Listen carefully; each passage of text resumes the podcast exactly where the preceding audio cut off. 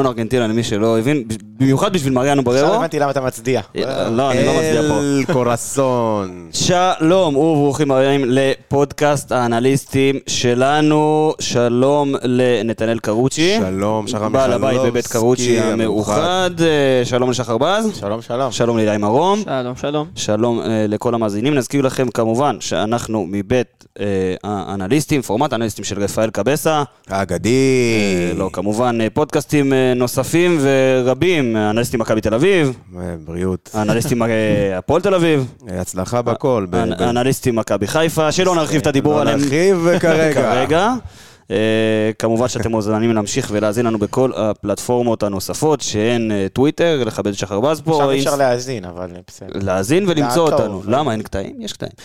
טיק טוק, אינסטגרם, פייסבוק, איפה שתרצו. איפה שתרצו אנחנו נמצאים. אה, מ- כמובן, אה, אפל אה, פודקאסט, גוגל פודקאסט, ספוטיפיי אה, וכו'. טוב, אה, משחק... אה, מה מה זה? אני באתי להגיד לא קל, אבל... מה זה הניצחון הזה? זה מטורף. מה זה הדבר הזה? היה ניצחון מטורף. מושלם. מבחינת כדורגל, היינו טובים. היינו היה- טובים, אה, היה משחק שהיה בו הכל, דרמות, אה, אה, מכבי חיפה הובילו עלינו, הפכנו את התוצאה, דקה 94, שער עם לב ענק של מריאנו בריירו אחד. והטירוף אה, תוך כמה דקות התחלף בחוסר הבנה של מה שקורה כן. במגרש, כמובן שנתייחס לזה בהמשך, אבל אתה יודע, זה, אין ספק שלכולנו זה השאיר איזשהו טעם חמוץ. נכון, נשתדל הטעם החמוץ ל- הזה, אז למתוק. אה, אני מחזיר אתכם לפרק שכולנו אה, הקלטנו והאזנו לו אחרי העונש של אה, בית הדין, אז עם הסגירה של הדרומי ורדיוס ושטויות, וגם אז התייחסנו פלוס מינוס רבע שעה מתחילת הפרק לעניינים שהם לא כדורגל באופן מקצועי וטקטי כמו שאנחנו אוהבים ויודעים לעשות, אז גם הפעם. גם הפעם אנחנו נתייחס באזור הרבע שעה לדבר הזה, ובשביל להתייחס לדבר הזה, אה, נתייחס ונראיין את אה, אחד השופטים שלשעבר, אה, שופט אה, בכיר. שופט בכיר לשעבר בישראל, כדי שיסביר לנו איך מנהלים סיטואציה כזאת כמו הייתה אתמול, או איך לא מנהלים סיטואציה כזאת. כמו שהייתה אתמול, לירן ליאני, אז אה, ערב טוב אה, לשופט העבר, מנהל עמוד הפייסבוק דוח שיפוט, לירן ליאני, מה שלומך? ערב טוב. בסדר, ערב טוב, מה שלומכם? בסדר גמור, אז אה, קודם כל תודה שעלית איתנו לשידור. אנחנו ככה אחרי משחק מאוד אה, דרמטי, מלא באירועים, גם של כדורגל טוב וגם פחות של כדורגל, וכמובן אה, העלינו אותך בשביל שתוכל ככה לתת לנו את ההתייחסות המקצועית שלך לאירועים מהמשחק אתמול, אז ככה, אם אתה יכול לתת לנו באופן כללי דעתך על מה שקרה אתמול, מזווית של שופט. השאלה אם אתם רוצים להתייחס לאירועים, להחלטות השיפוט שהיו במהלך המשחק, או שאנחנו רוצים להתייחס למשל לאירועים שהיו לאחר המשחק ומה החלק של השופטים מבחינת האחריות שלהם. אה, אנחנו חושבים, ש... אנחנו חושבים שבעיקר אה, לאירועים שלאחר המשחק, אה, ואפשר גם, אתה יודע, לה... ל... להתייחס לאיך אפשר אולי למנוע את, ה... את המקרים האלה, תוך כדי המשחק עצמו. אמ, אז ככה, ברמת, אתה יודע, המשחקים בין שני המועדונים האלה הפכו להיות יותר ויותר קשים בשנים האחרונות. אגב, זה לא היה משחק קשה, אבל מבחינת שבאר שבע הפכה להיות אה, קבוצה צמרת אה, ומכבי חיפה, המשחקים האלה הפכו להיות מאוד מאתגרים ברמת השיפוט. נלך רגע לאחור ונבדוק, אנחנו נמצא שמרבית המשחקים ש... אה, ששוחקו בין שתי הקבוצות, במרביתם היו או טעויות שיפוט, או היו סוג של התגרויות בין, שני, בין שתי הקבוצות. המשחקים האלה אף פעם לא עברו בצורה שהיא שקטה בשנים האחרונות. זאת אומרת שהאירוע הזה שהתרחש בסיום, הקטטה ההמונית הזאת, היא לא באמת מפתיעה שופטים. זאת אומרת, זה חלק מההכנה שלהם כשהם מתכוננים למשחק. זה קרה באחד המשחקים במחצית המגרש, ששחקן של חיפה הורחק ממנו רז מאיר, נכון. וזה, וזה קרה עכשיו בסיום המשחק וגם במשחקים אחרים. אה, המשחקים האלה מאתגרים, אה, ולכן שופטים בהכנה הטקטית שלהם לפני משחק לוקחים בחשבון שתגרה כזאת יכולה להתפתח, ועובדה שהיא קרתה. עכשיו, אה, נקודה שצריך, נקודה שצריך לקחת בחשבון באירוע כזה, שסך הכל יש ארבעה שופטים. המגרש הוא גדול, אתמול היו הרבה מאוד אירועים בכל מיני מקומות במגרש, מנהרת השחקנים, ליד השופט הרביעי, אחר כך ליד מה של. באר שבע. בדיוק, אז, אז, אז לא משנה כמה קשה מאוד, אתה יודע, לאכוף את הכל. כן. אה, מה שכן, אחד הדברים שאני כן הייתי משפר בסיטואציה כזאת, זה אי אפשר להשאיר שחקנים משתי הקבוצות ביחד על קר הדשא ולרדת בחדר ההלבשה. זאת אומרת, בהתחלה השופטים נשארו, ובאמת, אה, אה, אתה יודע, ניסו לא אה, למנוע, כי שחר פה רצה. לשאול אותך בדיוק על זה, הנושא זה הזה. בדיוק, בדיוק מה שרציתי לשאול אותך. איך, איך קורה שאתה יודע, ברור שקשה, ברור שצוות השיפוט בסוף הם אה, ארבעה אנשים, אם אתה מוסיף את המשקיף שהוא בכלל לא חלק מהצוות, אה, בסוף זה ארבעה שופטים מול אה, הרבה מאוד אה, שחקנים, וראינו אתמול גם דבר שהוא לא צריך לקרות, שהוא גם אנשי צוות וגם שחקנים שלא בסגל, והרבה אנשים, בוא נקרא לזה, בלי, בלי מדים לכדורגל. אה, מצטרפים לבלגן הזה שהיה ב- בכר הדשא, אבל איך באמת אתה יודע, אתה, אתה פשוט שופט אחראי על ניהול המשחק ועל סיומו ועל ההתחלה שלו וניהול ניהול כסדרו. איך נותנים פשוט לדבר כזה להתפתח ויורדים לחדר ההלבשה? מה... אז, אני- אז אני אשתף אותך שכששחקנים רוצים לריב, הם יריבו. כן, נכון, זה, בזה אתה צודק. אומרת, זה בלתי, יש, יש, יש משחקים שלא משנה כמה תנסה למנוע, זה לא ילך. זה ה vibe, זה הגישה של השחקנים, הם לא תמיד בשליטה על כל מה שקורה, יש אמוציות, אנשים צריכים להבין שיש הבדל עצום בין לראות אה, משחק מהיציע לבין לראות אה, את המשחק אה, ולהרגיש מה שקורה על כר הדשא באמת. זה שני דברים שונים לגמרי, יש הרבה מאוד לחצים, וכולם אגב, השופטים, המאמנים, השחקנים, ואנשים מאבדים את זה בהרבה סיטואציות, אגב, כמו שאתה רואה אוהדים, שאתה אומר בואנה, הוא, הוא רואה חשבון, הוא עורך דין, הוא קצין בצבא, והוא מתנהג כמו אחרון האוהדים לצורך העניין. כן, נכון. אה, אה, יש משחקים שאי אפשר למנוע את זה. והשופטים אגב אתמול ישר קלטו מיידית אגב, שהם לא מצליחים למנוע את זה, כי זה היה בלתי אפשרי. נכון, עכשיו... ולכן מה שהם עשו זה, הם, הם פיקחו מרחוק, זאת אומרת לראות מי מתחיל, מי תורם, מי נותן את המכה, כמה שהם יכלו. אתה יודע, הם בגובה קר הדשא, יש המון אנשים, מסתירים להם, הם לא רואים את הכל. ובחלק הראשון הם באמת עוד נשארו. אבל היה שלב שכבר הקהל של מכבי, השחקנים של מכבי חיפה הלכו לפינה, איפה שהיה הקהל של באר שבע, וגם הקהל של באר שבע היה שם, השחקנים של באר שבע היו שם, ואז הם החליטו לרדת, וזו לדעתי הייתה טעות. עכשיו... אתה לא יכול להשאיר שחקנים על קר הדשא אה, בסיטואציה כזאת לבד. נגיד גם- להיות נגיד גם שאתמול היה יחסית, ניהול המשחק השוטף בזמן המשחק היה טוב. כי באמת שהמשחק זרם, הוא היה יחסית הכי רגוע מהמשחקים האחרונים לפחות, בשנתיים האחרונות שאני זוכר, ובאמת על זה צריך לתת להם אה, קרדיט לצוות השיפוט. אבל אה, אם השופטים ירדו לחדר ההלבשה, כמובן שהם ניסו לזהות מי נתן את המכה הראשונה, ומי התחיל, ולמי מגיע העונש, ומי המעורבים בכל הדבר הזה, לדעתך, יש איך להסתמך בבית הדין על, על דוח שיפוט במקרה הזה, כי, כי הם לא היו שם. קודם כל, לא, קודם כל הם היו שם. הם היו. הם, הם, הם היו. הם היו בחלק מהזמן, היה חלק שהם כבר לא היו. ולכן אגב, אני, אני רוצה לומר שבסיטואציה כזאת גם יש לך את אה, שיפוט המסך, כלומר אתה יכול לבקש משופט המסך אחרי שהכוחות הופרדו, תראה לי עכשיו מה היה פה, כי היו אירועים, הרי מה זה שופט המסך? הוא אמור לחשוף בפניך, לתת לך, אה, לעזור לך לצורך העניין, אירועים שנעלמו מעיניך. ויש פה הרבה אירועים שנעלמו. תעמוד רגע שנייה, תסרוק את זה, תבדוק רגע, לפחות תקבל את המידע מי היו השחקנים המרכזיים שהיו. אתה יכול כבר לומר לחלק מה, מהקבוצות, לומר להם, תקשיבו, השחקן הזה והזה בוודאות מורחק. אבל אתה לא יכול לרדת באמצע וזה, אבל אני רוצה רגע ברשותך, ברשותכם, לדייק אותך לגבי המשחק עצמו. אני מתחבר למה שאתה אומר שהמהלך של השוטף, המהלך השוטף של המשחק היה בסדר, אבל שתי נקודות מאוד הפריעו לי. נקודה אחת, ואני לא מתחבר אליה בסגנון האישי שלי כשופט כדורגל, עד היום אגב. אני לא יכול לראות שחקנים שמסננים מילים ולא מכבדים שופטים. לא יכול להיות שחזיזה לצורך העניין יסנן מילים ולא מילים מחמיאות, ולא תהיה תגובה. לא יכול להיות ששגיב יחזקאל ירוץ לעבר אה, השופט ולא תהיה תגובה. לא יכול להיות. שלופז, אחרי שהוא קיבל כרטיס צהוב, יתפוס בצורה מאוד מאוד בוטה את היד של, אה, של השופט במרכז פיזי. ולכן, שופט במשחקים כאלה צריך לדעת להתלכלך גם. אתה לא יכול כל הזמן להגיד, אה, אוקיי, אני לא, אני לא רואה, אני לא, אני לא, לא, זה לא נחשב. שופט צריך להיות סמכותי, אוטוריטה. אחר כך אנחנו רואים שופטים צעירים שמתקשים מול שחקנים. כי אם השופטים הוותיקים לא מצליחים להנחיל את זה, אז מה יגידו השופטים הצעירים? זו נקודה אחת.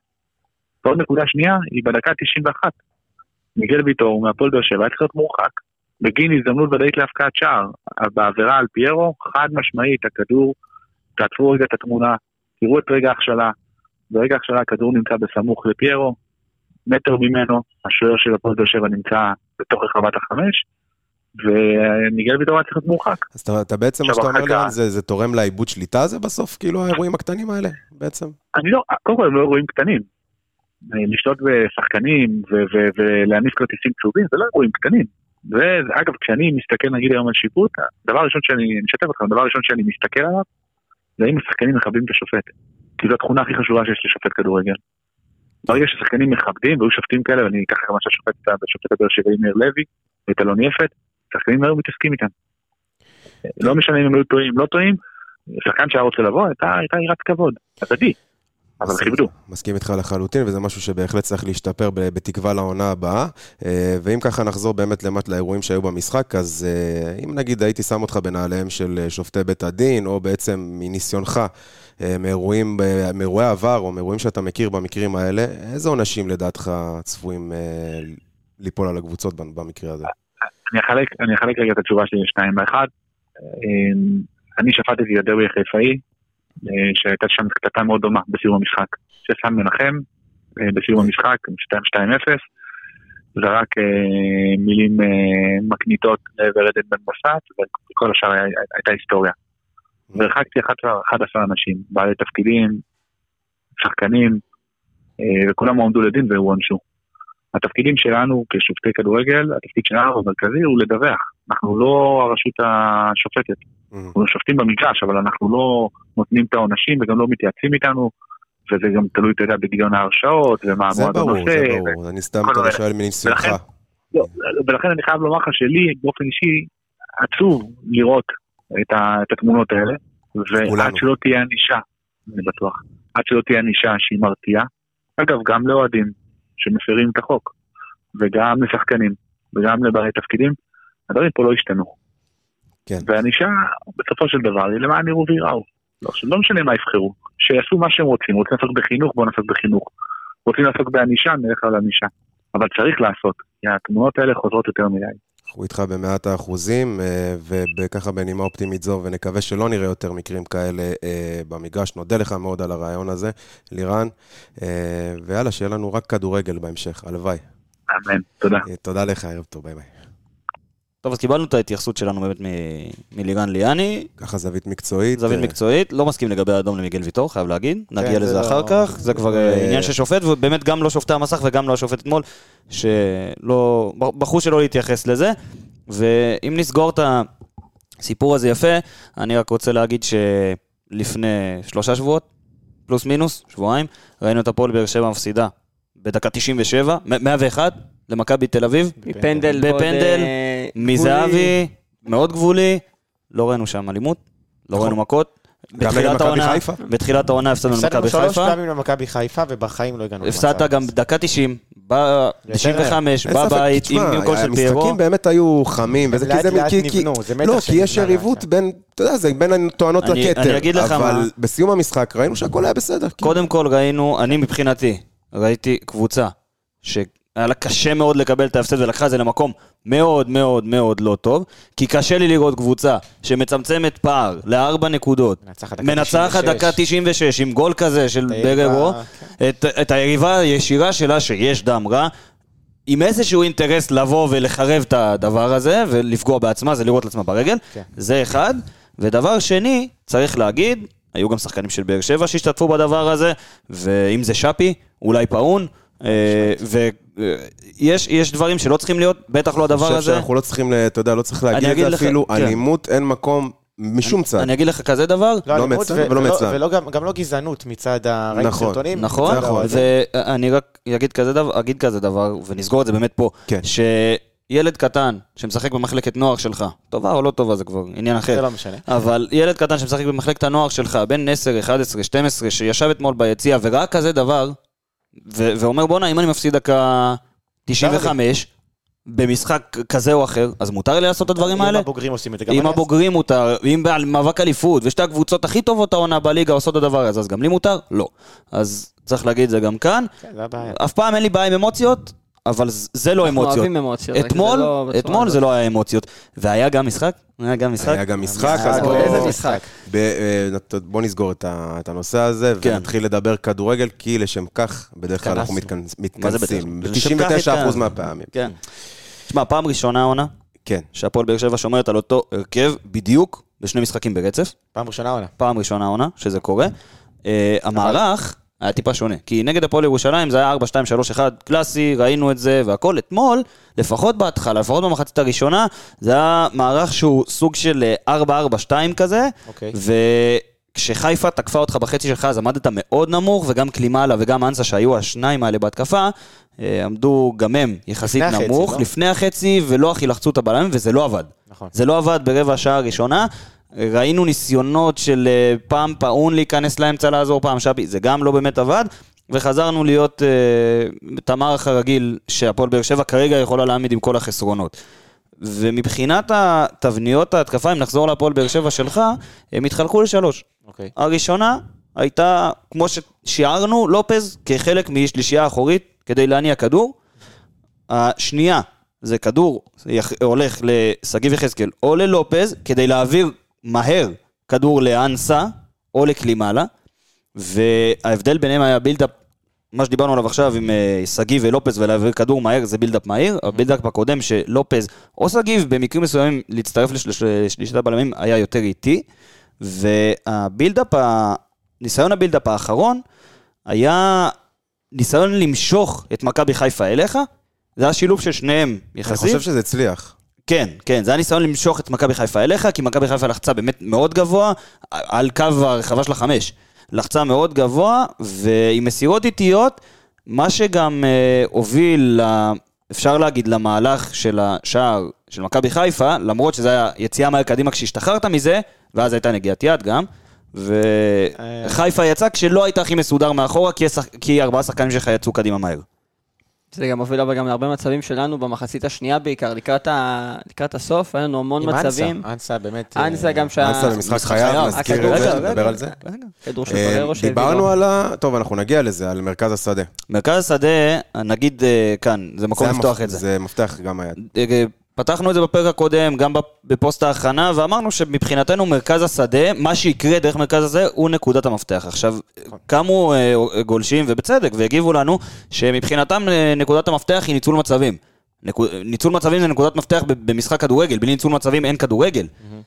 נקודת המפתח שבחרנו עם מרכז השדה, השדה היא כדי בעצם לאפשר את ההגעה למצבים האלה. בדיוק, אתה צריך להתחיל מאיפשהו. אתה צריך להתחיל מאיפשהו, ניצול מצבים זה היעד הסופי שלך. אתה צריך להתחיל מאיפשהו, ובגלל זה, זה היה נקודת המפתח, ובגלל זה, ובעד זה נתי, בעד זה, נתי בחר את אה, בררו כאיש המפתח שלו. ואם נסתכל על, אתה יודע מה, בוא נתחיל שחקנים. אני אעשה להם פה אה, הפנטומימה של בררו. שמע, כן, נגיחה. מכל הלב, באמת היה מכל הלב. שם שמע, אני מת על הבן אדם. רגע. רגע, נגיע אליו, טוב. בוא, נתחיל. באמת שחקנים, כי, כי השיטה נגררת מתוכם. עמרי גלאזר. לא היה לו יותר מדי עבודה. מה, בעיטה אחת למסגרת של מכבי חיפה? גם של חזיזה כזה, דרדלה לא- כזאת, לא משהו... זה לא היה יכול לעשות? שום דבר. לא- הגול- הגול היה הסתה של היה- טיבי. כן. אז הכל לא נחשב למסגרת בכלל. לא. זה הסתה של טיבי, לא באמת, הוא היה לוקח את הכדור אם אה, כן. טיבי לא היה נוגע, ולא הייתה לו הרבה עבודה אתמול, וזה שוב, אה, אתה יודע, זה, זה חזר אבל- על עצמו. אבל אני חושב, מעבר לעניין שלא הייתה לו עבודה, היה שקט אצלו. ביטחון, יציאה לכדורי גובה שהייתה מעולה, אה, הוצאה של כדורים, אה, מדי פעם הוא היה... טוב, אז אנחנו... נתי, נתי. הופה, סליחה. מתרגש. אה, לא משנה, אני מאוד מתרגש, באמת. אבל אה, אה, היה לו גם אה, הוצאה של כדורים אה, מהירה, וגם כשהיה צריך כמובן להרגיע את המשחק, עשה את זה כמו שצריך, ובדרך כלל מתחילים גם את המשחק אצלנו, את הבילדאפ מה- מהחמש, אבל אה, אחלה עומרי שבעולם. אחלה אומרים גבר, שבעולם. ונותן את העבודה כשצריך. נכון. כשצריך. נעבור לשמאל הפעם, לופז. לופז מבחינתי היה מעולה. הוא, פריצה. שלו, בדקה 90 זה היה, ופשוט רץ מול שני שחקנים, הצליח לעבור אותם, סחט את הפאול. כן, אמרנו, לופז אה, עושה שטויות. כן, וקיבל הוא- עוד צהוב אתמול, צהוב ובאמת... שגורם לו להחמיץ את מכבי תל אביב. צהוב ולמה ש- זה? זה כי אמרתי שהוא לא מקבל צהובים לפני לפני שני אתה פרקים. דרשת את זה אליי, אבל אה, באמת אני אתמול. אתמול 4 מ-4 תיקולים, 9 מ-16 במאבק, במאבקים, ויותר מזה, הוא שיתק את אצילי לגמרי. נכון. הוא שיתק את עומר אצילי, דיברנו פה בהכנה, אמרנו שחקן העונה, ש... לופס שיתק אותו לגמרי, וזה אחד, המ- זה מעבר למה שאמרנו לגבי מרכז המגרש, זה גם היה מפתח לניצחון, שתק את השחקן הכי טוב של חיפה. כחלק גם אה, מהבילד, אה, באמת, הוא הצטרף לשלישיית הבלמים ונתן את האשראי הזה לשגיב יחזקאל. ובפעם אחת שזה לא קרה כמו שצריך, קיבלת את ה- את השתילות. קיבלת את השער, השער של מכבי חיפה הגיע דרך מעבר שניסית לצאת אליו, והשער של מכבי חיפה היה חייב להיפסל, כי שפי ניסה להוריד כדור עם הראש קדימה לאזור, לכיוון קלימאלה, אם אני לא טועה, והכדור נעצר ביד של אחד משחקני חיפה. לא היה שם ור. לא היה ור ברבע. שעה המשחק. כן. לירן ליאני. אמר שאנחנו צריכים להשתמש בשופטי המסך. רבע שעה ראשונה לא היה ור, חצי שעה ראשונה לא היה ור, וקיבלת גול. גם עוד נקודה, לופז, בקרן של הגול. הוא זיהה שם שסונגרן אה, חלם שם קצת, והוא הוציא כדור רגע, מהר. חכה, נגיע אה, לשער. האחרון, כי כל שחקני מכבי כבר חיפה התאמת חלמו. את העגלה לפני כן, הסוף. היה לי- זה- מההתרגשות. מה זה- לפני? 100 מטר. מה זה? לופז אה. עושה קולות של... אה, אה, לי לפחות, עושה קולות של תשאירו אותי. זהו, אם אנחנו מדברים על, חושבים על העונה הבאה... אני משאיר אה, אותו, אני משאיר אותו. כן, כי. קשה, קשה לפגוע ב- בזרים, ובמיוחד בב- ב- ב- במגן זר. ועוד מגן שמאלי. מגן שמאלי, שזה מצרך נדיר באופן כללי. באמת מצרך נדיר, אז אם באמת, אני חושב שזה תלוי ב- בלופז עצמו, אם הוא רוצה להישאר, אני הייתי משאיר אותו בשמחה. אבל בקאפ ישראלי, אני חושב, יותר. זה חד משמעית, אתה חייב. להביא. נכון, אבל גם אם זה בקאפ ישראלי, תצטרך להביא שחקן אחד ולא שניים. כן, וישראלי מספיק טוב לפתוח בהפועל באר שבע כמגן ראשון, אין, כן. לא קיים. אז תצטרך להביא זר וזה לפגוע בו, ואני משאיר את לופז בלי לראות בעיניים בכלל. אז אה, נתונים של לופז, זה... לא, אמרנו, אני, אני חושב, הנתונים של לופז המשמעותיים הם 4 מ-4 תיקולים ו-9 מ-16 במאבקים, והנתון הכי גדול, עוד פעם, זה שיתק את אצילי לגמרי. זה לא כמותי, אבל זה, זה הנתון הכי גדול מהמשחק הזה כשזה נוגע לאלדר לופז. והרבה הרבה גם תשוקה. הרבה תשוקה, אבל היה חייב לסתום את הפה בסוף, כן, באמת. זה עכשיו הוא מפסיד. אגב, מפסיד את ה... משחק מול כן, מכבי תל אביב. משחק מול מכבי תל אביב. משחק האליפות, לא, לא משנה. איתן טיבי. איתן טיבי. הוא לא אשם בשער. לא. לא, פגע הוא לא אשם בשער. כאילו, זה לא שהוא עושה את זה בכוונה, כן. והיה לו משחק די סולידי, שחר, עם הנתונים שלו באמת... אה, אה, כן, חמישה מאבקים מוצלחים מתוך אה, שישה ניסיונות. תיקול אחד מוצלח. שמע, שבעה עיבודי כדור, שזה קצת אה, הרבה בשביל בלם. בלם. ושני חילוצי כדור. באמת, אבל הוא עשה את העבודה שלו ביחד עם מיגל ויטור, שתכף נעבור ונדבר עליו. בלם מנוסה, בלם שיודע את העבודה, מכיר כבר מה זה משחק עונה, ו... נכון, אבל הוא לדעתי לא יישאר פה בעונה הבאה. אני- אני לא. אגיד לך מה, אני לא, לא מרשה הייתי משאיר לעצמי... עניין של גיל וזה, זה כבר אני לא- מרשה לעצמי כבר אה, ל- לסכם את ה- מי יישאר פה ומי לא, לא יישאר. פה. אנחנו לאט לאט מתחילים לבנות את זה. ל- אנחנו מתחילים לבנות את זה, כמובן שיהיו פרקים בסוף העונה של, אה, אתה יודע, סדר באמת, אבל גם אתמול, אה, בוא נגיד, מה שקרה בסוף תרם לזה, כן. וזה יתרום לזה גם קדימה. פעם ניתן לכם טריילרים, טיזרים כאלה. כן, טיזרים, אבל באמת, אה, איתן טיבי, דיברנו על זה קודם, אני ונתי, שבאמת מנוסה וחכם וזה, ושבעה עיבודים, זה הרבה לבלם, אבל- לבלם, אבל העיבודים... הם קריטיים. קריטיים, והמהירות כבר לא שם. נכון. כבר לא שם. ומשחק סולידי, ואני חושב שאם מכבי חיפה הייתה יותר יעילה, אם דין דוד היה במשחק יותר טוב, היינו יכולים, חוטפים. כן, היינו יכולים לשלם על המשחק הסולידי הזה. מיגל ויטור, מה נגיד ומה נאמר? master, ה master, master של כדורגל. master של כדורגל, אחד השחקנים הח- החכמים שראיתי בחיי. אני מרגיש, מה, אני מרגיש כאילו כל אה, פרק מחדש, אני רק מוצא עוד כינויים ועוד... תקשיבו, זה, זה, זה באמת הלב של הקבוצה. אה, אה, מצאנו עוד לב אתמול, יש לנו מלא לב. אה, יש מלא... אבל אה, מיגל ויטור זה פשוט אה, אגדת כדורגל ישראלית, מקומית, באר שבעית, פורטוגזית, תגידו מה שאתם רוצים. אה, אני חושב שמשחק אה, גם מעולה שלו, מיגל ויטורי כזה, אני, יודעים, אני כאילו- חושב שאתמול מיגל ויטור ועבדולאי סק, אם נעזוב את מה שקרה בסוף, שיחקו פינג פונג. זה היה head כזה. זה היה באמת המ- המשחק שלהם. כן. כי מיגל ויטור מצד אחד סיפק לך הופעה מטורפת, ועבדולאי סק מצד שני עשה בדיוק את אותו דבר. נכון. עכשיו, מיגל ויטור, קודם כל ב build-up, תרם לך מאוד להנעת הכדור, והוא עושה את זה תמיד, והוא הציר הכי הרבה המרכזי. מסירות אה, מדויקות. הוא הכי הרבה מסירות מדויקות, וזה מראה לך כמה הכל עובר דרכו. אם כל ניסיון build-up עובר דרכו, בין כל שלושת הניסיונות שבאר שבע ניסתה לעשות אתמול, מהתבניות האלה. ואם זה בחוכמה, בסגירה, וכן, אני חושב שבשער של... אה, בשער, במה שליאני קורא לו אדום, זה לא היה אדום, היה פאול, זה היה צהוב, אבל זה לא לא אדום. אבל פיירו בא מהצד של הרחבה, שחקנים של באר שבע היו מאוד קרובים לזה, השתלט הוא לא השתלט. על הכדור ב-100%, היה עוד שני שחקנים, אני חושב, שהיו ממש... שממש אה, סגרו את זה לא היה טוב. שחקן אחרון, זה לא היה שחקן כן, אחרון. כן. וגם אם הוא השחקן האחרון זה היה בפער מאוד מאוד קטן, בגלל זה אני חושב שצהוב זה היה. מהלך של, אה, שהציל לנו את המשחק, ובעצם נראה לי שניים, שלושה מהלכים אחרי זה הופקע... אה, נכון. עכשיו לגבי מיגל ויטור, כמה אנחנו אומרים שהוא חסר לנו כשהוא לא משחק, הוא לפעמים יש לו את ה... מה שהוא עושה בתכל'ס זה להשלים את השני. אם אנחנו אומרים שבאמת איתן טיבי איטי וכבר... אה, גם מיגל כבר לא מהיר כמו נכון, פעם, אבל נכון. עכשיו הקראתי את הנתונים של העיבודי כן. כדור וחילוצי כדור של איתן טיבי, אז נגיד אצל מיגל ויטור זה מגמה ממש הפוכה, היה לו רק שלושה עיבודי כדור ושבעה חילוצים. אז כאילו באמת הצד השני של כן, הסיפור כן. הזה, משלים אותו. מדהים, פשוט מדהים. שגיב יחזקאל. לא ייגמר לעולם. שגיב יחזקאל שלא ייגמר לא, לעולם? לא, ויטור. גם שגיב, אני מאחל לו שבאמת, עד 120, אבל אה, אה, באמת, אם מסתכל על המשחק שלו אתמול, אני חושב שגם היה שם חצי-חצי כזה. אני לא מסכים. אני לא אגיד. לך למה, אני חושב שבאמת, נראה לי, גם אני ואתה דיברנו על זה שהוא קצת התקשה שם.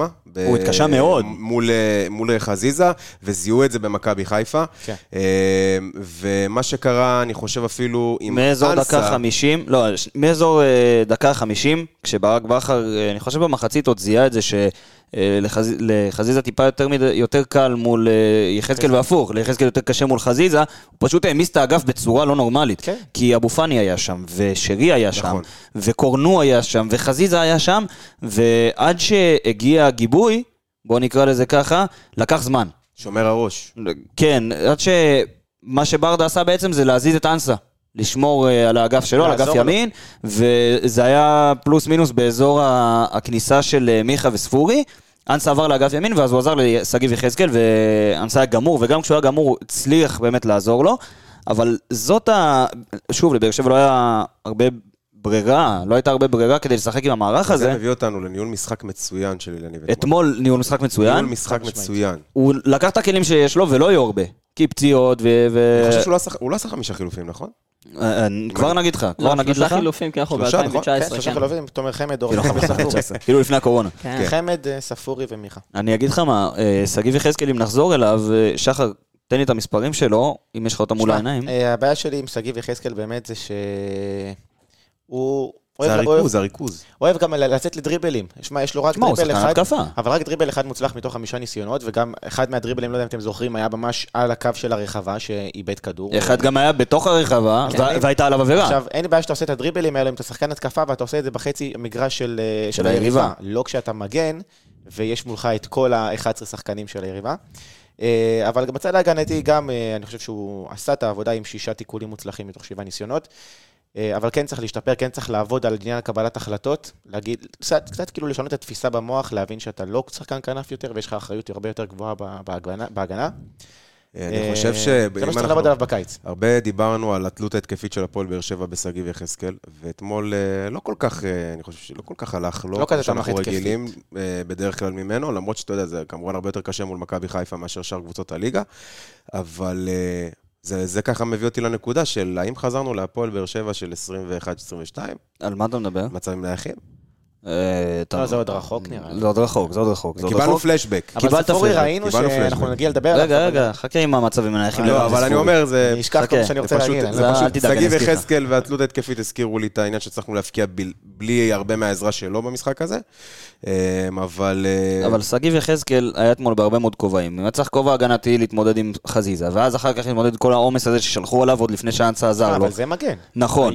אבל אחר כך, אחר כך, אני מדבר גם התקפית, הוא כן ניסה באמת לבוא ולהיכנס גם מהאמצע, וכן ניסה לבוא ולרווח מהצד, נכון. והניסיון הזה לבוא ולרווח מהצד הגיע אחר כך, ואני חושב שזה היה בשביל להפעיל את שפי, מה שלא עבד, ו... והוא הוא שיחק אתמול בהרבה הרבה הרבה מאוד תפקידים, ועדיין, אני מסכים איתך, שהוא צריך לשנות את ה mindset שלו, בדיוק. שאת הפעולות שהוא מתחיל לעשות, הוא עושה אותן ממקום הרבה יותר נמוך. ו-. והוא לא ממקום גבוה שאתה אומר, טוב, מרכז, אה, מרכז אמצע מגרש, zone 2, zone 3, אני אעשה שם את הפעולות ויהיה מי שיחפה עליי. בדיוק. כי באמת אתמול היה לו דריבל אחד שהוא עשה בתוך הרחבה שלך לכיוון עמרי גלאזר, ואם אין שם עבירה אתה בבעיה. נכון, עכשיו אני נזכר. אתה בזה. בבעיה רצינית. אז אה, אם אני, אני חושב שאם, וזו עבודה שאפשר לעשות, ואם היא תיעשה על אה, שינוי של mindset, של אני מתחיל את הפעולות שלי ממקום יותר נמוך, אז אני צריך יותר להיזהר, אתה יכול להרוויח פה, כבר הרווחת את שגיב יחזקאל בעוד בגדול תפקיד. כן ראינו הרבה שיפור באחריות שלו. בהתחלה זה היה קצת בעייתי. אני, אני חושב שאחריות זה מילה גדולה. אני חושב שזה פשוט לפרק את זה לגורמים ולהבין שטוב, את המיקום שלי במגרש, המיקום ט- שלי... טקטית. כן, המיקום שלי הוא הרבה יותר נמוך. כן. זה פחות אחריות, כי אחריות זה, אתה יודע, זה טייטל מאוד גדול. כללי, כן. אבל הבנה טקטית שאני עושה את זה יותר נמוך, וזה נכון. אוקיי. יכול להיות שזה. כתוצאה מזה שהוא מתחיל להרגיש יותר נוח בעמדה הזאת? כן, כן, יכול להיות. יכול להיות, אבל שחקן, ש... שחקן חוזר לדיפולט, כשהוא מרגיש, או כשהוא מרגיש ממש ממש נוח, או שהוא מרגיש שממש ממש לא הולך לו. ממש ממש נוח, זה עמדה אה, טבעית. כן הולך לו. כן. לא, זהו. יפה, אז הוא מרגיש נוח, מרגיש נוח. ואתה צריך למצוא את הבלנס ביניהם. גורדנה או בררו? איפה בא לכם להתחיל? אני לא יודע, שני. השמות האלה נהיה לי צמרמורת. גורדנה, עכשיו, אתה יודע מה? אני לא יודע מה עם הרגושים פה היום, כל אני לא יודע מה קורה. איתי היום. קודם כל קו. קישור. לא יודע מה קורה. במחצית הראשונה ראינו שהיה היה קשה לשניהם.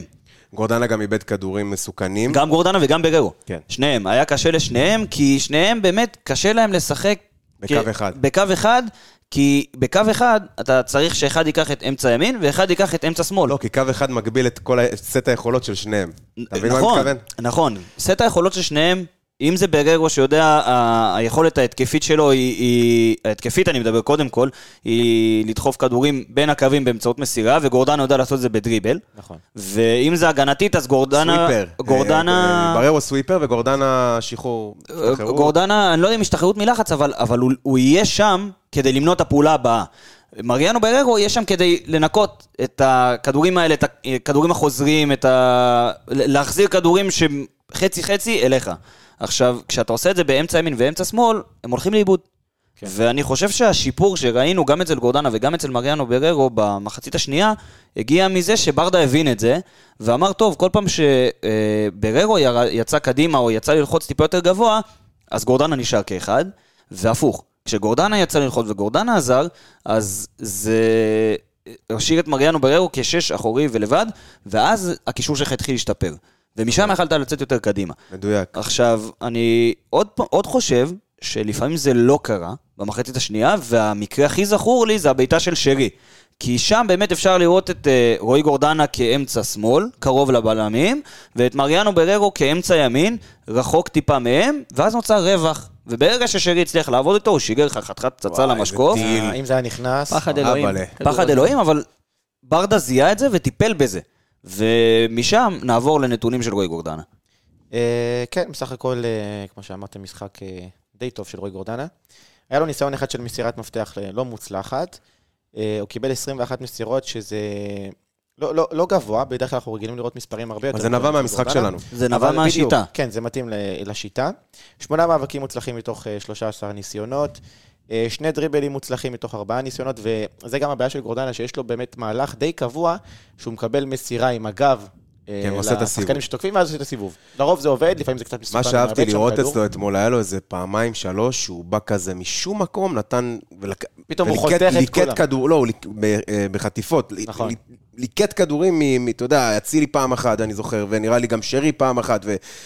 אה, היה, במיוחד ב-20-25 דקות האחרונות, הוא ובררו היו בטירוף, ואנחנו דיברנו על זה גם בפרק הקודם, על זה שגורדנה קצת לקראת סיום המשחק מתחיל לאבד קצת אוויר, אבל זה היה זה נראה... לא ש- היה אתמול. זה לא היה אתמול, וזה היה נראה שזה קרה בדיוק בגלל ההצבה הזאת, שבעצם ברדה שינה את ה... הוריד אותה מקו אחד, וכשדיברנו על... וזה גרם אה, לחלוקת כוחות כזאת. כשדיברנו על, על שכר לימוד של יניב ברדה, אנחנו ראינו נגיד, אם נחזור שוב למשחק מול מכבי תל אביב, שהוא לא עשה את זה שם. והוא נשאר עם אותו קו אחד. וראינו לאן המשחק שלנו הולך ולאיזה בלאגן. למידה, תהליך של למידה, כמו שאמרנו, והנה אתמול, ניצחת. את כן. מכבי חיפה. בגלל שינוי שעשית, בגלל שינוי מזערי שעשית. שינוי, זה לא מזערי, זה נקודתי. לא מזערי, זה כאילו שינוי שלא החלפת שחקן. נקודתי. כן. שינוי נקודתי תוך כדי המערך שהלך לו. וזה מראה גם שלא חייב לעשות חילוף כדי לשנות אה, מומנטום במשחק. לא יכול, מה, כל שניה יש צמרמורת, אחי. זה... אני, אני חייב, אם כבר פתחנו על ברדה, אחי, אני, אני פשוט אוהב את המסיבות עיתונאים שלו ברמה קיצונית. מדבר, הוא, הוא, אה, הוא בלי- מדבר... לא אהבת אתמול בסוף את ה... תעלו למעלה, תעלו למעלה. עזוב, אני, אני מאוד אוהב אותו התנהלות, לא סתם, ראיתי את המסיבת כן, עיתונאים, כן, והוא ברור. פשוט רהוט ואומר את מה שצריך, ו... יש לעניין. ביקורת על ברדה, יש ביקורת כשאפשר לפרגן. מפרגנים באהבה. אמ, אה, פאון, פאון, פאון. אתה בכוונה משאיר את... אה, פאון. רגע, רגע. פאון. אה, ואני חושב שמשחק לא טוב של פאון אתמול. אני, אני שמתי לב שהוא במגרש כשהוא יצא. אה, קצת פרווה, שוב, הוא... זה אי אפשר להגיד אם זה פרווה או זה שזה... פאון. בדיוק. מאז המונדיאל אנחנו כבר... אני לא. חושב שזה מונדיאל, אני חושב שזה מאז שהוא נפצע. נכון, שפי הייתה לו פציעה. וכן, שפי זה מה- מאז המונדיאל. כן. אה, פאון נפצע וחזר, אבל אתמול, ב- בתחילת המשחק הוא תפקד כסוג של אה, קשר אה, בצד ים- שמאל. בצד שמאל. אתה יודע מה? אתה יודע מה? היה לו משחק פרווה, אבל הוא, הוא שימש ככלי מאוד חשוב במערכת. מאיזה בחינה? הוא לחץ קדימה כל הזמן, אם שמתם לב, לחץ את הבלמים של חיפה כל הזמן. הוא היה כמו, בהגנה שלנו, תמיד כשהוא יצא לחוץ, הוא היה כמו חלוץ, שפיץ. הוא הוא הוביל את הלחץ שלך. בדיוק. הוא הוביל הוא את עשה את הלחץ. זה דווקא טוב. הוא עשה את זה. טוב, והוא... תמיד אמרנו שפאון הוא כלי טקטי ב- בהפועל באר שבע. הוא פחות ייתן לך אולי מספרים כאלה. כן. הוא יותר, אה, יותר כלי טקטי ושיעשה את כל הדבר הזה. ואתמול הוא כן התחיל כקשר בצד שמאל, ואז עבר לשחק כעשר. ראינו אותו במחצית השנייה מנסה לצאת כמה פעמים אה, כעשר. זה פחות העמדה שלו, הוא פחות יודע להוביל, להוביל את זה באמצע. אם הוא יודע לעשות את זה, זה יותר טוב אה, באזור הקו. שמע, הוא גם uh, כמעט ולא קיבל כדורים, קיבל 21 מסירות, ומבחינת המסירות שלו, יש לו 14 מסירות מ-15 ניסיונות, זה אחוז גבוה, אבל זה רק 14. אבל כמו. שאמרנו פעם שאחר, אמרנו שפאון זה שחקן של מאמן. וכנראה ש... שוב, זה כלי טקטי מאוד- בדיוק. מאוד שימושי, של מה שאני אגיד לך. אתה תעשה, ובדרך כלל תעשה את זה בצורה לפחות סבירה, אם לא טובה. וכמו שאמרת, הוא עשה את הפעולות לחץ האלה על הבלמים, דברים שאתה לא רואה הרבה פה על פעמים. הדף סטטיסטיקה. נכון. זה פעולות לחץ ש... שעוזרות. ממש כמו חץ, הם, אה, הלחץ הזה. הוא הוביל את. הלחץ בדיוק. שלך, כי קלימאלה עושה את זה פחות טוב. נכון. הוא לקח את זה על עצמו, וקלימאלה היה אחריו. ופאון הוא כלי טקטי, ובמשחקים כאלה גדולים, זה חשוב. נכון? כן. שפי. שפי. אה, דס וידניה? אני חושב שכן. כן. אני חושב שכן, עכשיו עוד עוד אילי- לפני... אילי פה יודע שאני הייתי מאוד אני אה, בעד ההשערה שלו. אבל אני חושב שזה שאם כבר היה הפך ספק, להיות, בדיוק. אה, אם היה. ספק בגלל היכולת המקצועית, אני חושב שכל העניין שקרה אתמול, וזה נראה לי אולי הפעם היחידה שניגע פה בניתוחים הטקטיים על הדבר הזה, מה שקרה אתמול לדעתי אה, כן, חרץ כי גורלו זה- של שפי והפועל באר שבע. זה התחיל אה, אז עוד עם... בגביע הטוטו, אם זה היה? לא, עם כן. אה, אה? קרצב. קרצב, כן, זה הגמר גביע הטוטו? קרצב, כן. אז זה היה שם, ו... מאוד היה ספק שהוא, אתה יודע, לא נתן לו אחת, ו- עצבנו, רצו על הפאולים. והיום, אה, היום, אה, ובמשחק של אתמול עם הנגיחה הזאת, קודם כל, לא נגיחה. לא נגיחה, שפשוף, אבל עצם זה שאתה שם את הראש שם, אז כאילו. זהו, זה- זה בסדר. לתת, לתת, אתה יודע, בסיס למשהו. ל- ואתה יודע שזה קורה איתם כל משחק, ואתה יודע שהם מחפשים אותך כל? משחק, כן. ולמה ליפול לזה, ולמה להסתכן. ועכשיו אתה יודע מה, אם אני אדבר גם מבחינת מספרים, אנחנו, הדבר היחידי שאהבנו אצל, לא היחידי, אבל בין הדברים שאהבנו אצל שפי זה הדריבלים שלו. ואתמול רק אה, דר- דריבל אחד מוצלח מתוך שישה ניסיונות. וזה זה לא... אני חושב זה גם... כבר מגמה. זה- כן, זה לא זו משחק מגמה. זה לא משחק ראשון. גם במשחק הקודם זה היה אותו סיפור, גם שם רק דריבל אחד מוצלח, וזו הנקודה באמת החזקה, במרכאות של אה, שפי.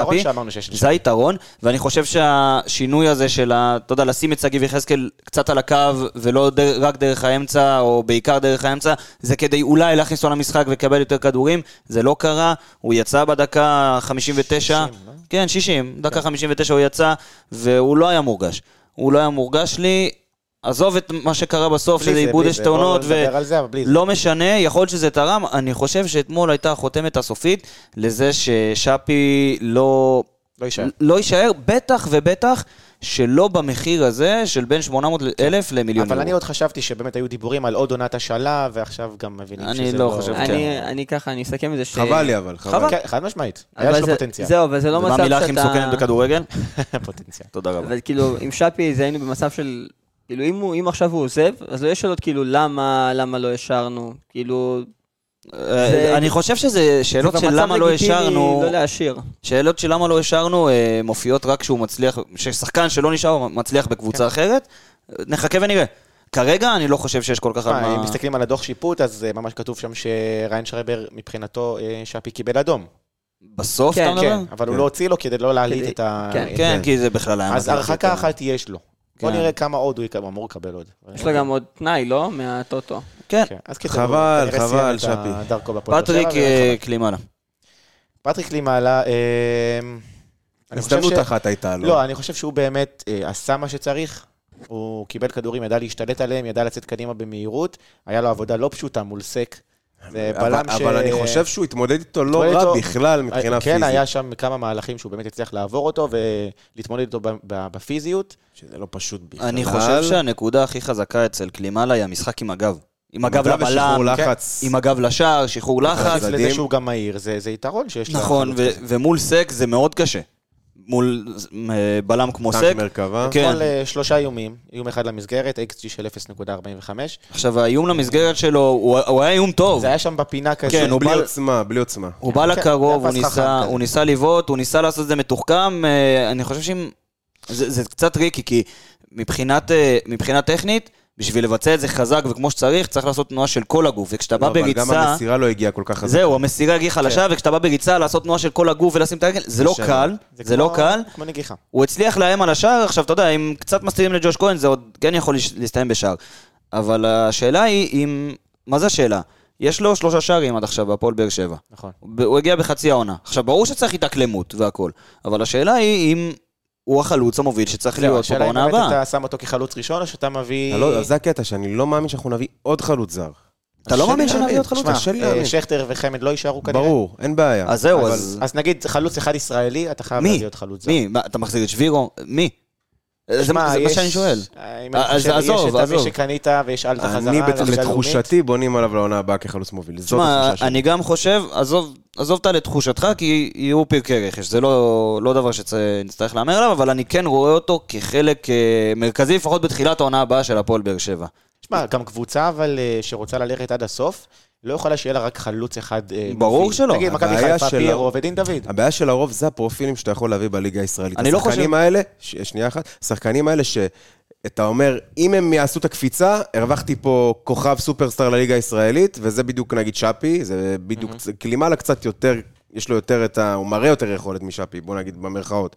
אבל אה, שחר, מה... אני מה- חושב למה אתה שיש אה, בשניים או שלושה פרופילים של שחקני- שחקנים זרים שמגיעים לכאן. זה או שחקן ב style... מה, יובנוביץ' כזה? לא, רגע, זה או שחקן style אה, שפי, גם יובנוביץ', לטעמי, זה אותו דבר. נכנס לקטגוריה הזאת בדיוק. כן. אותו דבר, עם, אה, התחיל את זה לדעתי, רייקוביץ', בזמנו. נכון. להביא אותו ולחכות שיעשה את הפריצה. טוב ואז- בעולם לגילו. ואז כן, למכור. טוב, כן, השלישי בעולם לגילה. שלישי בעולם לגילו. זה כמו שאומרים שהעיר באר שבע, העיר הטובה בעולם לגילה. תמצא לי עוד... כן, עיר- להביא כן. בזול, לא משה יובנוביץ' לא אני לא הגיע יודע אם כזה בזול. זול, אבל להביא צעיר כדי לעשות קופה. כן. או להביא צעיר, או לאו דווקא לעשות קופה כדי להשאיר פה ושיפרח אצלך, באמת להיות אה, שחקן מפתח לכמה שנים. הסטייל השני הוא שחקנים שנכשלו במקום מסוים, ואתה מביא אותם לפה, פה נכנס פטריק למעלה, כי הוא לא הצליח בניו יורק, אוגו. וגם ג'ון אוגו, ואני לא יודע אם הוא נכשל, אבל הוא היה לו תקופה לא טובה בפורטוגל. תקופה לא כן, טובה. כן, זה זה מדויק, תקופה לא טובה, ולהביא אותם לפה ולהגיד, טוב, אני אשקם אותם ואז יש לי שחקן טוב ביד, או ה style השלישי, שזה style אה, לופז.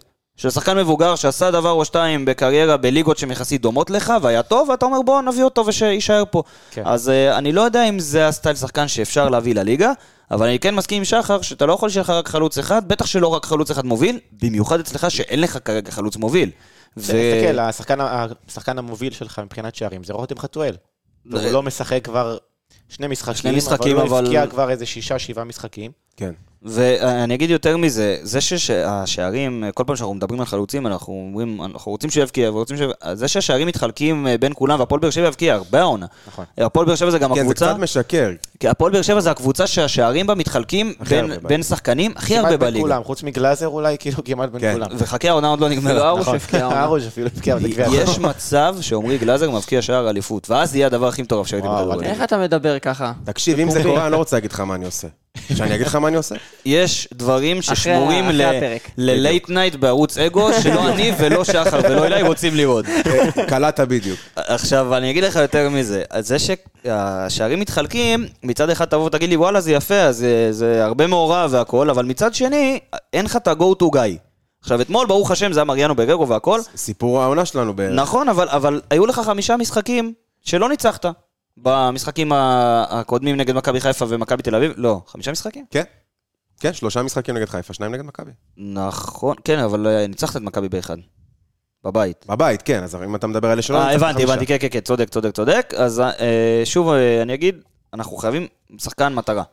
חייבים אחד. קלימלה יכול קילר, להפוך קילר לכזה, כזה. כן, כן, כי קלימלה- אחד. אגב, לגבי השערים, כן, כבשנו 62 שערים. מכבי יפה. חיפה, מכבי תל אביב, באחד יותר. כן, עכשיו, אה, קלימלה, אם תסתכל על המספרים שלו, הוא עם שישה איבודי כדור, בסדר, הוא הוא נלחם מול סק, והוא עם- רק עם חמישה מאבקים מוצלחים מתוך 14, כי הוא נלחם מול סק. שאגב, אם דיברנו כן. על השיפוט, לקראת הסוף היה באמת קצת אה, קדשו אותו שם, ו... קדשו אותו, אבל אה, אתה יודע, עם ההתחזות שלו ליד קורנו... כן. זה כן, זה אני לא מדבר על זה. אז זהו, אז זה קצת... אה, אוקיי. אתה יודע, אבל אם יש נתון אחד גם שאני מסתכל עליו, והוא קצת אה, בולט לי, הוא הכדרורים המוצלחים שלו, שזה שלוש מארבע, והרבה מהם נעשו כתוצאה מ... כן, לקבל כדור עם הגב על הבלם, ולצאת קדימה. הרוב היה על סק. נכון, אז אני חושב שאפשר, הוא, הוא יכול להוסיף ל- לסט יכולות שלו את הדבר הזה, את הכיבוש. הוא גם מראה אה, ניצוצות של אה, אני יכול לעשות את זה באמת במשחק, אם זה השער נגד הפועל ירושלים, אם זה האיום אה, אתמול. אה, בוא נחכה. בוא נחכה. חושב ואיש איש אם כן המשחק, קבוצה יותר איכותית שנה הבאה, הוא יפרח יותר. יכול להיות, כאילו, יכול להיות. עכשיו, איש המשחק הוא כמובן יוג'ין אנסה. משחק. אה, המשחק הכי טוב שלו בהפועל באר שבע. חד משמעית. נקודה, נקודה. המשחק הכי טוב שלו בהפועל באר שבע אתמול. אם, אם תסתכלו על, על המספרים שלו, זה הרבה יותר ממה שיוג'ין אנסה מעורב מבחינת מסירות. זה 23 מתוך 29, וזה זה הרבה לשחקן התקפה, 79 אחוזים. אם תסתכל על פאון, לדוג, על, אה, סליחה, לא על אה, פאון, על שגיב יחזקאל, סתם בשביל הדוגמה, כי אנחנו יודעים ששגיב יחזקאל מאוד אוהב לעלות קדימה, מאוד אוהב אה, להיכנס לכל המאבקים האלה, למרות שאתמול באמת היה עליו הרבה לחץ, אתה תראה 69 אחוזים במסירות. אם תסתכל על פטריק קלימאלה, אתה תראה 56 אחוזים. שפי עם 75 אחוזים אה, מתוך המסירות שלו, ויוג'ין אנסה הוא בעצם שחקן ההתקפה שלך, אם אני מוציא את החילופים, עם אה, אחוז המסירות הגבוה ביותר. נכון. והוא שיחק אתמול ל-99 דקות והיה גמור. הוא ב- זה לא היה נראה במהלך... שהוא יכול לסיים את המשחק. במהלך של האדום, עוד פעם נקרא לזה במרכאות, האדום שליאני דיבר הוא היה על עליו, הרצפה, הוא היה על הוא הדשא. הוא היה על הרצפה, אבל הוא עיכב את מכבי חיפה מלצאת קדימה, כי הוא, הוא, אתה יודע, הוא ניסה להגיע לזה. רגל מכווצת, ניסה- חצי גמור, כן. ואפשר להגיד מה שאפשר להגיד על אה, יוג'ין אנסה, אבל המחויבות שלו לקבוצה, נכון. והרצון שלו, והאנרגיות, וזה לא תמיד הולך לו, זה אנחנו יודעים, אבל אה, הוא נתן לנו הרבה רגעים של אושר, אפשר להגיד, בשנה האחרונה. גם אה, בגביע. בעיקר מול מכבי חיפה. אה, שער בלתי נשכח השנה מול הפועל תל אביב, טיל כאילו שמע, הוא הזוי. גם בישל את ה... הפועל ירושלים. הפועל גביע, ירושלים. בישל בגביע. בסופר קאפ, הוא בישל... הוא בישל חמד, כן. הוא בישל לחמד. לא, יש לו את חמד בישל. לו. חמד בישל לו. חמד בישל הוא יש לו את- הרגעים שלו. אבל אנחנו רוצים יותר. קצת יותר. יש לו את הרגעים שלו, אבל דיברת על ארבעה רגעים, חמישה רגעים, הם באו ברווחים מאוד מאוד גדולים. יותר. וגם אתמול, למרות שהוא איש המשחק, וגם עם מריאנו בררו, אה, איש המשחק שלי זה, זה יוג'ין אנסה, כן, שלי. אני אה, מסכים איתך. אה, עדיין, הייתה לו קבלת החלטות, לפחות חצי מהמקרים, ורואים את זה גם במאבקים, תסתכל על המאבקים שלו, זה 52 אחוזים. 52 אחוזים. ומאבקי אוויר, 50 אחוז. זה אגב דבר שחוזר על עצמו אצלו במאבקים. נכון, 50 אחוז, הוא נכנס להרבה והוא מנסה. זה, אבל זה, זה מצחיק, כי מבחינה פיזית, מדובר בשחקן חזק מאוד, וזה מפתיע מאוד שהוא כל הזמן ככה נמוך במאבק. נכון, אבל זה נובע מקבלת החלטות יחסית לא טובה, והיה לו, אתה יודע, מצד אחד השער, ומצד שני מספרת שהוא מעיף ליציע. עכשיו, זה יפה הניסיון, והייתה התקפה מדהימה. וואו. אבל... זה אה, כדור לא טוב של בררו. כן, אה, אה, מדהים, מדהים. ו- ומצד אחד פריצה גדולה באגף, וכמעט מקבל שער עצמי של סק, שזה היה ממש קרוב, אבל מצד שני, קרוס לרחבה, לקצה, כשאין שם אף אחד. נכון. נכון. אז הקבלת החלטות הזו היא לא משהו, ו- וגם בשער, אני אגיד לך, לא הייתי הכי רגוע כשהוא... האמת. שזה היה שער אה, קשה. זה מאוד קשה, כי קשה, שני שחקנים על הקו. הוא בעט את זה בין הרגליים של סונגרן. שני שחקנים על הקו, ג'וש כהן. צריך זה- נכנס כזה די כן. ב- במזל. בגלל זה אני אומר, קבלת ההחלטות שלו היא ב-50 אחוז, במקרה הטוב. ואם הוא יישאר או לא, נפתח לא, אחר בגלל זה כך. אני אומר שנגיד אנסה יכול להיות אחלה בשביל זר שישי. כן. אולי, לא. אולי. זה אבל באמת אה, דיון אה, מעמיק. מעמיק. יותר, לקיץ, כן. לקיץ. כן, אוקיי. תומר חמד, תומר חמד, אני רוצה להגיד לכם, אני, לד- זה מה שאמרתי את דעתי, אמרתי, אני דיברתי גם עם שחר על זה, אני חושב שתומר חמד אתמול עזר להפועל באר שבע ל-20-25 דקות האחרונות שראינו. הפיזיות שלו, העלייה שלו לכדורי לא, גובה, אגב, הוא שיחק 13 דקות, אה, סליחה. אה, לא, סליחה, טעות שלי. גם במכות. אני מתכוון ל... ל- ל- זה לא תומר כן. חמד. מתכוון לסוף, בסדר? כן, כן, כן. אה, טוב כן. שדייקת אותי. והיה גם איזה אה, נגיחה אחת שהוא עלה עם סק, לקח אותה אחורה, וזה הביא גם למצב מסוכן, אני חושב איזה מהלך או שתיים לפני נכון. השער. נכון. אה, אני חושב שההכנסה של חמד אתמול הייתה נכונה, בנקודת זמן נכונה, אה, ועל אף שהוא לא תרם לנו שער אתמול, אני חושב שה- שהכניסה שלו למגרש בהחלט תרמה ל-13 דקות האלה שדיברת עליהם של הפועל באר שבע. כן, עכשיו תסתכל גם על, ה... על מה שהוא תרם לך, זה לא הרבה.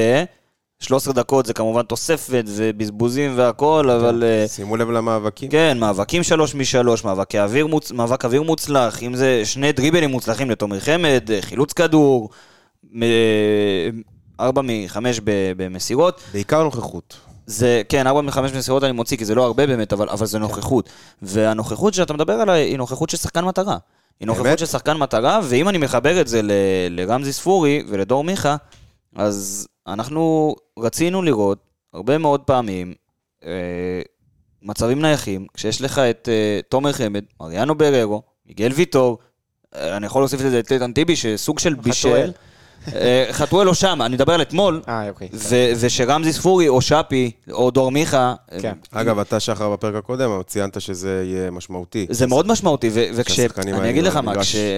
אם האלה. הזכיר קודם את השער השני של אה, בררו, באמת, שחקנים של מכבי חיפה חלמו שם. ברגע שאיתן טיבי נ- נגח את הנגיחה השנייה, גם חמד... את אה, הראשונה, הם הם כולם היו סוג של בשוק. גם חמד עשה קיר טיפה, טיפה חסם, ואז טיבי היה פנוי לגמרי. היה זה שם בדיוק. בלבול אבל, כי הנגיחה הראשונה פגעה בשחקן שלהם, ושינתה... כן, בפיירו, היא כן, שינתה פיירו כיוון. זה היה, ועלה... כן, אבל עדיין, אבל בול עדיין, לראש של בררו. אילי צודק, כי חמד עשה את הקיר שלו, ומיגל ויטור היה מיגל ויטור, ואיתן טיבי הגיע לכדור, ורמזי ספורי אגב הגביה אותו טוב. שזאת הייתה כוונה של ברדה, אגב, להכניס את הכלים האלה בדיוק לדברים האלה, כן, ו- וגם, וזה ריתק שחקנים. אליהם. גם את העבירה שלפני, שהכדור שגרם לקרן, זה גם היה תומר חמד שסחט את זה. נכון, נכון, נכון, נכון, ו- ואני אגיד יותר מזה, זה בדיוק מה שרציתי לראות, זה בדיוק מה שרציתי לראות מבחינת אה, מצבים נייחים, וכשיש לך מגביהים כאלה טובים, ועוד נוגחים כאלה טובים, שיודעים גם מה לעשות, זה לא רק הכדור הגיע אליי טוב, אז אני אנגח טוב כמו שבררו עשה, זה החסימה של תומר חמד, וזה התנועה של איתן טיבי לרחוק, וזה מיגל ויטור שהנוכחות שלו ברחבה רק מרעידה את, את מי ששם, כן. ותוסיף את זה שג'וש כהן לא יצא לכדורי גובה הכי טוב במשחק הזה, ו- וזה בלי ספק מוסיף ללחץ שיש עליו גם ככה. כל זה בדקה 95 של משחק מכריע. וניצחת 2-1 במשחק המכריע הזה.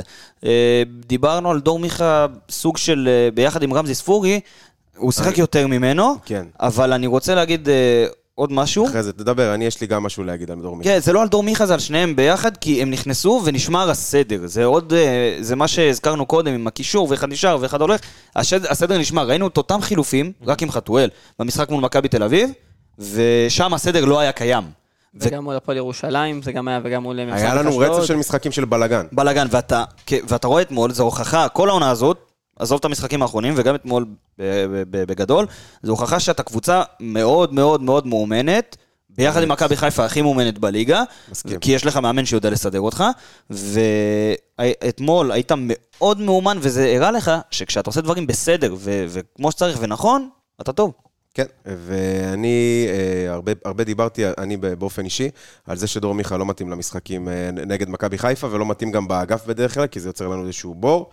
אה, אתמול גם, כשהוא בא להיכנס קצת, אה, גם אפילו נראה לי, ש- שלחתי בקבוצה שאני לא מבין למה הוא נכנס, ואני חוזר בי. אה, אני חושב שאולי דור מיכה לא היה מתאים לפתוח במשחק הזה, אבל כשהוא נכנס, הוא גם כן הוסיף הרבה לקבוצה. הוא היה, הוא נכנס לא רע למשחק בכלל בעיניי. הוא נכנס אה, לא רע. ודינמיות מאוד טובה. נכון. נע על הצדדים. הוא בא לידי ביטוי בעיקר כשרמזי ספורי נכנס. עכשיו, אני לא הכי אוהב לראות את שניהם. ביחד, אבל רמזי ספורי די, אה, אפשר לראות את זה גם במיקום הממוצע, די הלך ל... אני לא אגיד לצד, אבל הם, הם. זהו, הם עשו את החילופים ביניהם, ובסוף כבר כנראה כשמשחק באמת מותש וגמור, אז, אז החילופים האלו יותר קלים. כי שחקנים פחות עוקבים אחריך והולכים. ברור, אז... עכשיו, אם אתה מסתכל על המ- המיקום הממוצע של אה, מיכה, הוא באזור האמצע. עיגול האמצע באמת. ושל רמזי ספורי, המיקום הממוצע שלו, הוא גבוה יותר מהמיקום הממוצע של קלימאלה. עכשיו, כמו כן, חלוץ. זה, יותר... אה, אי אפשר להשוות את זה בין קלימאלה לספורי, כי זה הרבה יותר דקות שקלימאלה אבל שיחק. שם אני רוצה לראות את רמזי. רמזי, רמזי. נמצא כאילו חלוץ באזור, מדומה. רמזי נמצא באזור, עם חלוץ מדומה, אבל כשיש לך חלוץ על המגרש. כן. אם זה חמד, או אם זה קלימאלה, או אם זה כאילו לעשות לו מי כזה שלא יהיה. כמו... הוא הגיע למצב בעיטה, אגב, שיצא לו קצת דרדלה, אבל. שם הוא צריך לקבל את הכדורים. עכשיו. רמזי ספורי, לסגור את זה, הוא שיחק אתמול באזור, באזור שנקרא זון אה, 14, זון 14, וזה אזור שהוא מאוד מכריע, מדובר באזור שהוא ממש על הקשת של הרחבה של היריב, קצת לפני הכניסה. איפה שהוא בעט, פחות או יותר. איפה שהוא בעט זה אזורים שמגיעים אחוזי ממנו... הבקעה גבוהים. כן, אחוזי הבקעה גבוהים, איומים על השער גבוהים, זה אזור שהוא בדרך כלל בין קווים, ושחקנים עם יכולות כמו רמזי ספורי יכולים uh, לעשות לך מטעמים משם. בהחלט. אני חושב שהביתה אתמול עוד קצת הייתה עוד קצת חלודה. דור מיכה תרם לך, רמזי ספורי תרם לך, תומר חמד תרם לך. אני ו- חושב שהדבר הזה שדיברנו עליו, על לגבי דור מיכה, על החיסור- החיסרון שהוא נותן לו מבחינה הגנתית, בדקות האלה, כשהמשחק היה באמת בשליטה שלנו, ומכבי חיפה הייתה עייפה ודי מתגוננת, זה התאים. זה גם הרבה בגלל לופז, ד- תדע לך. הרבה בגלל לופז, כי לופז נתן אתמול באמת משחק טוב, וכיסה עליו גם כשהיה את החילופים האלה. ו- לאורך משחק שלם זה קשה. זה קשה מאוד, ואולי באמת חילופים, חילופי מקומות אה, יותר קלים כשאתה נכון. עייף, מול קבוצה עייפה. נכון. טוב, אז זה, זה די מסכם את המשחק של אתמול. אני, אני לא יודע אם אתם שמים לב, אני, אני נראה לי שכולנו פה אנחנו מותשים, כן. באמת היה אתמול משחק מנטלית לנו, אה, אני לא יודע מה, פשוט אני, אני, אני מותש, אני לא הצלחתי לישון אתמול. אני לצערי לא הייתי באיצטדיון, ראיתי את המשחק מבחוץ. כן, אתה האיש הדרומי שלנו, אה, אבל באמת אה, הייתי מותש, אבל איזה כיף, כאילו, אם ננטרל רגע את מה שהיה אחרי זה, משחק כיפי שנזכור אותו כנראה לכל החיים, גם לחיוב וגם לשלילה, עם הדברים שקרו אחר כך. כן, אה, בשביל לסגור את זה, אני אולי קצת אוריד את האווירה ואבאס, אבל אולי זה אה, too little too late? זה אה, סוג של המשחק האחרון של הפועל באר שבע, העונה. כאילו, לא הבנתי. כאילו, אתה יודע, עכשיו אנחנו מסתכלים קדימה. לא, לא המשחק האחרון של הפועל באר שבע בקטע קח את הזה. המפתחות, זרוק לים. לא, סוג של כזה, גישה כזו של ניצחנו אתכם, לא לקחתם לנו אליפות בבית, ו... וזהו, אין לנו עוד את הכלים בשביל אה, להמשיך ולהילחם עד הסוף, כי יש לנו יותר מדי פצועים, יותר מדי מורחקים, ובאמת, כמו שאתה אומר, זה קצת אה, מאוחר מדי. מעט מדי, מאוחר מדי לדעתי. אולי אנחנו... ואולי לא. אולי, אולי לא. אולי לא. שבוע הבא... אולי לא. אולי לא, ואולי גם לא. אולי לא. אבל אגב, יש לי שאלה שאני רוצה לשאול, כי זה, עכשיו יש לי... זו הפינה שלי ושל נתי, אז אה, לבריאות. לא, יש לי, ככה. מאיזה משחק יותר נהניתם העונה? מהמשחק של אתמול, או. או. המשחק של אה, קריובה, של ה... שעלינו לקונפרנס בפנדלים? אה, אני אתן לך את. אני אתן לך את התשובה שלי, המשחק הראשון מול מכבי תל אביב בטרנר. שניצחנו... כשניצחת את? שליביץ', כן, זה היה נוקאוט טקטי ראשון של ברדה שתיים לדעתי. נהנית יותר מאתמול? כן, בטח. בטח. לא, אני בלי לא כל אני לא והיוקרה שהיה אני אגיד? לך מה. אין משהו שמשתווה לחגיגות אתמול בדקה 96. אני מסכים איתך. אולי גמר גביע, אבל... זה- אני אגיד? לך, אני אגיד לך מה. חיבקתי אנשים שאני לא מכיר. אה, זה- זה הזוי וזה מטורף. איך לא הבאת לי חיבוק? כן, איפה אתה? אה, צריך לפתוח את זה, הוא לא צריך כן. להיכנס לאצטדיונים. זהו, זה מה שאמרתי. בחיים. אף פעם, סתם. תסביך עכשיו. אני אגיד לך מה, אני, מסכים איתך שהתחושה של שער ניצחון על מכבי חיפה במעמד כזה בדקה 96 והאמוציות והכל, זה מטורף, זה לא נורמלי. אבל אני, אני יותר נהנה ממשחק שאני קוטש יריבה, יריבה יש לזה שלי. גם מנה, ברור. עכשיו, אני, אני יותר אוהב את זה, עזוב כי אולי אנחנו קצת, אה, קצת לא בסדר, ומסתכלים על, לא בסדר. על, על, על ניתוח וצורה טקטית ב- בעין... אה, אנחנו לא יכולים לכבות את זה אצלנו. אנחנו ננתח תמיד. ותמיד ולעומק והכל. בגלל זה, ונחפש את זה. כן, עכשיו, בשביל... בעין של אוהד ניטרלי לגמרי, מבחינת... אה, לא, לא ניטרלי, אוהד באר שבע, זה מטורף. כל אוהד, כל קבוצה, ננצח את היריבה הזאת שלך דקה 90 זה פסיכי, כן. אבל זה דקה מתוך 90. נכון. ונגד מכבי תל אביב בבית, זה, זה היה... שמע, אם כבר אה, זה, בואו, קטע מאתמול, סוף המשחק, אנחנו נשארים וזה, חוגגים עם השחקנים. היה לו קול של גל זהבי עכשיו בבובה. בואנה, בוא, אה, תן לי, תן לי רגע, תן לי, לי לב. כושו, תן לי, שם עם משקפיים סתם. קיצור, בא אליי אחד הסדרנים, אומר לי, תגיד, אתה יודע של מי המעיל הזה? וואלה, מעיל, אתה יודע, נראה משהו, אתה יודע, יקר וזה, אומר לי, אמרתי לו, לא, כאילו, לא, לא יודע, הוא אומר לי, תשמע, איזה מישהו פה מהשמחה זרק את זה, זרק את זה למגרש והלך. והלך. יואו. כמו דור. כמו- הוא מהבורקס. זרק, תקשיב. אז הוא אומר לי, מה, כאילו חבל לי, זה, זה, יזרקו את זה, זה. אמרתי לו, תשמע, בן אדם הקריב משהו מהשמחה, תן לו. תן לו. זה- זה תבינו, הקורבן כאילו, שלו. לך תדע מה עוד עף שם באוויר. אבל... אה, אבל היה- יש דברים שהשתיקה יפה. בדיוק.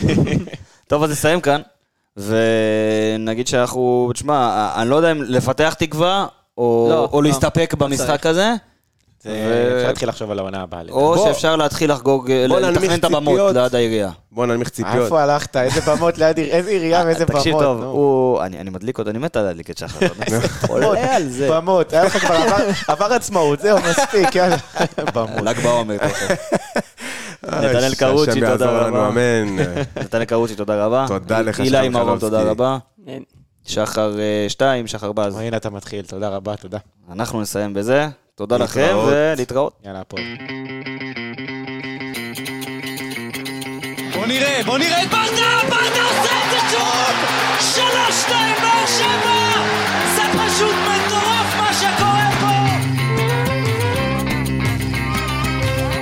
ושוב באר שבע, בטירוף על השער, איזה שער!